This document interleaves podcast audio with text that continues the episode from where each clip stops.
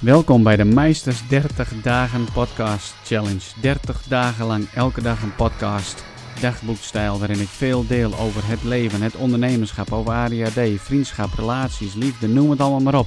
Het komt allemaal voorbij en ik nodig jou uit om met me mee te gaan op reis.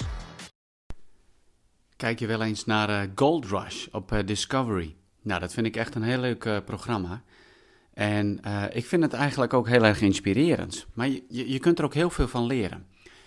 Uh, het seizoen is net weer begonnen. Dus ze zijn net weer een paar weken zijn ze druk bezig om uh, goud te zoeken. En de verschillen zijn zo leuk om te zien. Je hebt die Parker Snabel, die vanaf hele jonge leeftijd al het vak leert van zijn opa. Je hebt de Hoffman Crew. En je hebt Tony Beats, weet je wel, de, de Fries die ooit is geëmigreerd naar naar Alaska en het daar eigenlijk helemaal heeft gemaakt.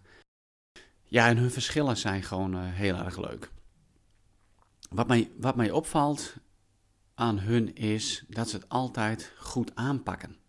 En met goed aanpakken bedoel ik, er is een probleem en dan gaan ze niet heel lang lopen nadenken, analyseren, moeilijk doen, uh, kijken van welke beslissing ze moeten nemen. Nee, ze maken gewoon een beslissing en gaan er gewoon voor. En dan heb je het bij hun ook nog eens een keer over. Beslissingen waar, nou, die gewoon heel duur zijn, die veel kosten. Zoals uh, de aflevering van, nou, ergens vorige week. Dan zie je die Tony Beats, die is dan bezig op die hele grote goudschuit uh, van hem. Zo'n grote, ja, het lijkt op zo'n baggermachine. En dan moeten er kabels en uh, nou, systemen vervangen worden voor een hydraulisch systeem. Dus hij vraagt zijn zoon, die heeft daar kijk op, die studeert er ook voor. En dan vraagt hij van, ja, hoe duur uh, gaat me dat uh, kosten dan? Hoe duur is dat grapje? Nou, ongeveer 600.000 euro. Oké, dat is, uh, of dollar. Nou, dat is een behoorlijk bedrag, hè? dat is meer dan een half miljoen. En hij wikt en hij weegt. En hij zegt, ja, oké, dan moeten we dat maar gaan doen. Dat soort grote bedragen, dat soort grote beslissingen en gewoon het hele oude besturingssysteem wordt eruit gehaald en dan komt een nieuw besturingssysteem voor in de plaats. Ik weet nog wel, in het seizoen, ik meen het vorige seizoen ook met Parker Snabel, ook uh, dat hij uh, gewoon durft beslissingen te nemen. Dus hij durft gewoon te zeggen, we gaan naar dat stuk grond, daar gaan we zoveel ruimte uh, maken, we gaan zoveel van de toplaag vandaan halen en we gaan erop gokken dat daar gewoon heel veel goud onder zit. En hij bouwt op een gegeven moment een heel groot eiland voor zijn voor zijn schutmachine, weet je wel. Waar ze alle grond in gooien en dan uiteindelijk met water spoelen. En dan moet die, uh, die goud, de, het, goud moet zeg maar in die, uh, nou, in die roosters terechtkomen. En hij doet het zo ingenieus en ja, en iedere keer weer tot nu toe scoort hij zeg maar het meeste goud aan het einde van het seizoen. Maar het is nog meer wat me opviel. Namelijk hoe zij omgaan zeg maar met personeel. En het kan best zijn dat jij een onderneming hebt, ook met personeel, of dat je met andere mensen moet uh, samenwerken. En dat verschil is ook gewoon heel groot. Nou, Parker Snabel, jonge gast, op zijn 18 had hij uh, zijn uh, eigen goudmijn, zeg maar. En zijn personeels en zijn team waar hij mee werkte om goud te delven. En je merkte op een gegeven moment ook dat er gewoon mensen weggelopen waren, omdat ze er niet tegen konden hoe hij, zeg maar, tekeer ging tegen hun. Dus zijn onmachtgevoelens, ja, um, botvierde hij zeg maar op zijn eigen uh, mensen. Datzelfde zag je en zie je bij die Tony Beats. Die is ongelooflijk doelgericht. Hij heeft maar één doel voor ogen en dat is zoveel mogelijk goud uit de grond halen, zo snel mogelijk geld verdienen. En aan de ene kant is dat iets waarvan ik denk van wauw, weet je, dat is wel heel super gaaf. Hoe ongelooflijk doelgericht uh, dat hij is. En hij pakt gewoon door. En bij hem bestaat er in zijn vocabulaire in ieder geval: uh, het kan niet, bestaat niet. Alles is mogelijk. Maar als je ziet hoeveel verloop hij heeft met personeel en personeel wat er vandoor gaat, dan denk je ook van: hmm, weet je, zou, het, zou je het op die manier willen? Zou ik het op een gegeven moment willen als ik uh, met medewerkers of een team ga werken? En dan heb je nog die Todd Hoffman. Hij is momenteel ook nog bekend omdat hij uh, is gaan zingen erbij. Ja, die heeft ook een bepaalde manier waarvan ik denk van nou, weet je, daar maakte niet altijd vrienden mee. En in het vorige seizoen dan uh, liepen de mensen op een gegeven moment gewoon weg. En uh, Hij pakte het eigenlijk gewoon niet heel erg goed aan. Dus ook weer daar bij hem was het zo dat zijn eigen frustraties en ehm, moeilijkheden, ja, daar ging hij niet, niet goed mee om. En hij bracht het ook niet goed naar zijn personeels toe, personeelsleden toe. En eigenlijk deed hij op dat vlak maar wat. Nu zie je dat hij zijn zoon van 18 heeft hij ook zo'n apparaat uh, in beheer gegeven. Die mag hij dan aansturen met een team. Die het op een compleet andere manier doet. Echt het tegenovergestelde. Dus er ging wat mis in de laatste aflevering. En uh, Todd die zei tegen zijn zoon: hey, je moet hem flink onderuit de zak geven en noem het allemaal maar op. En wat deed deze jongen? Die deed precies het tegenovergestelde. Waardoor hij eigenlijk uh, respect krijgt, zeg maar, van die personeelsleden die ook nog eens een keer een leven ouder zijn dan hem, zo'n beetje. Dus um, ja, die verschillen. En ik zie natuurlijk ook in mijn, in mijn werk, uh, in trainingen die ik doe voor teams en voor ondernemers met personeel, zie ik ook dat verschil. Dus hoe ga je met je mensen om? Hoe ga je met je medewerkers om? Hoe ga je met je kaderteam om? Ik zeg dan wel eens, als we het hebben over hun medewerkers, ik zeg: vergeet niet dat jullie medewerkers, dat jouw medewerkers, zijn slechts spiegels en zij weerspiegelen en weerkaatsen datgene wat jij laat zien, wat je niet laat zien, wat je zegt, wat je niet zegt, wat je uitstraalt, wat je houding is en noem het maar op. Heel duidelijk is het ook zo als je personeel hebt dat jij als eindverantwoordelijke of als baas, als chef, je oogst wat je ook zaait bij jouw eigen medewerkers. Wat dat betreft, als je medewerkers hebt, is dat een hele mooie manier om ook zelf persoonlijk te groeien door alleen maar te kijken van hoe staan mijn medewerkers in het bedrijf. Dus als je werkt met een managementteam, een kaderteam, dan geldt ook daar, als je daar eindverantwoordelijk voor bent, wat laten zij zien? Um, wat zie ik waarin zij tekort komen? Dan kun je eigenlijk vaak wel in de spiegel gaan kijken, want uiteindelijk ligt het aan jou. Als je die insteek zou hebben en die houding zou hebben, dat alles wat, waarin jouw medewerkers tekort schieten, of jouw kaderleden, dat het een tekortkoming is van jouw leiderschap. Als je dat als standpunt, als uitgangspunt hebt, dan maak je jezelf eigenlijk heel sterk. In ieder geval als je bereid bent om ermee aan de slag te gaan. Want dan kun je echt invloed uit gaan oefenen. Ook hier geldt weer de universele wet. Wil jij verandering in jouw kaderteam, in jouw medewerkers, in jouw bedrijf, in jouw leven, in je relatie, dan begint de verandering altijd bij jouzelf. Als je kijkt naar jouw medewerkers, als je kijkt naar het team waar je mee samenwerkt, als, het kijkt, als je kijkt naar jouw personeelsleden, of hoe je het ook maar wilt noemen, welke tekortkomingen zie je? Waarin zie je dat ze nog mogen groeien?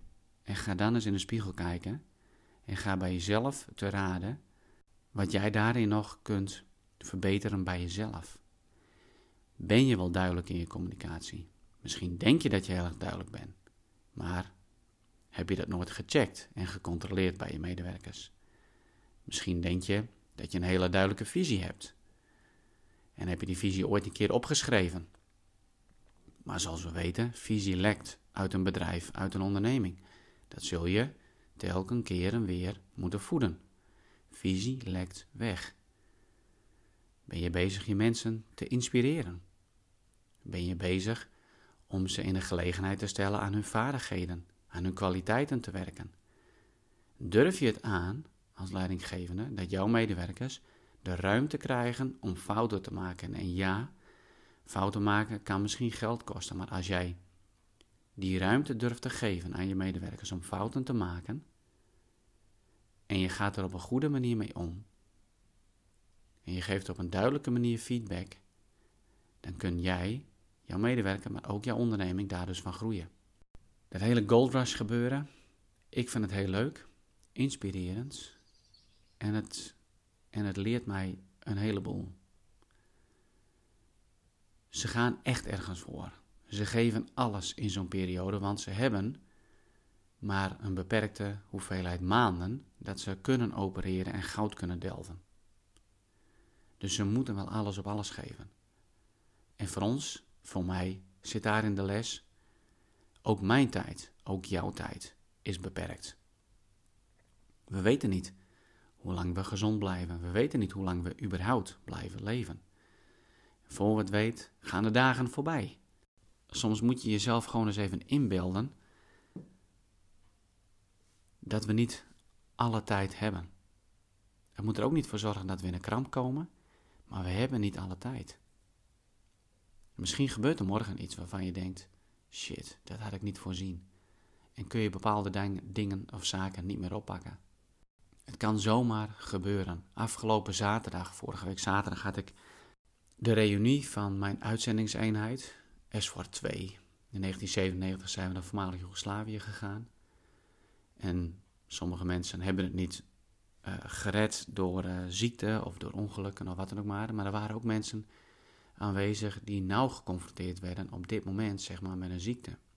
Eentje die weet, nog een half jaar, dan zit ik in een rolstoel vanwege een spierziekte. Eentje die gewoon gezond en sterk in het leven stond. Zijn lever hield er op een gegeven moment gewoon mee op. En uh, artsen zeiden tegen hem: Ja, weet je, je hebt eigenlijk gewoon pech. Eén, één, um, één op de zoveel duizenden overkomt dat gewoon. En als je daar dingen hebt uitgesteld, wat voor dikke jongens, dan, dan ga je toch wel een spijt krijgen als je niet meer in een gelegenheid bent om alsnog bepaalde zaken op te pakken. Nog een paar weken en dan uh, vieren we Sinterklaas en Kerst. En, uh, en dan is het 2018. Hoe heb je het gedaan het afgelopen jaar? Grote kans dat als je terugkijkt, dat het gewoon aan jezelf heeft gelegen dat je bepaalde dingen niet hebt bereikt. En wat ga je daarmee doen? Ga je ermee aan de slag of blijf je gewoon doorgaan zoals je bent doorgegaan? Als je daar blij mee bent, je hebt een tevreden gevoel, dan zou ik zeggen: ga gewoon door. Heb je zoiets van: hé, hey, dit wil ik eigenlijk niet, ik wil verandering, begin dan vandaag. Doe vandaag dan één ding wat je dichter bij je doel brengt. Wil je het serieuzer aanpakken? Ik doe ook Skype coaching. Je kunt ook gewoon um, bij mij een abonnement afsluiten. Dat we één of twee keer in de maand contact hebben via Skype. Dat ik je help om je doelen te bereiken. Dat ik je help overzicht te krijgen, de zaken inzichtelijk te maken van hé, hey, waar moet je nou de prioriteiten bij leggen? Maar vooral om bepaalde blokkades en belemmeringen samen met jou aan te pakken, zodat je echt in een actiestand gaat komen. Zodat je gaat ondernemen, dingen gaat aanpakken en dingen gaat doen. Dat is waar mijn kracht zit, om jou daarbij uh, te helpen. Je te inspireren en dingen te laten ontdekken, op te laten ruimen en zeg maar jouw draken te laten doden. En hoe gaaf is dat? Dat je daar deze week nog mee gaat beginnen.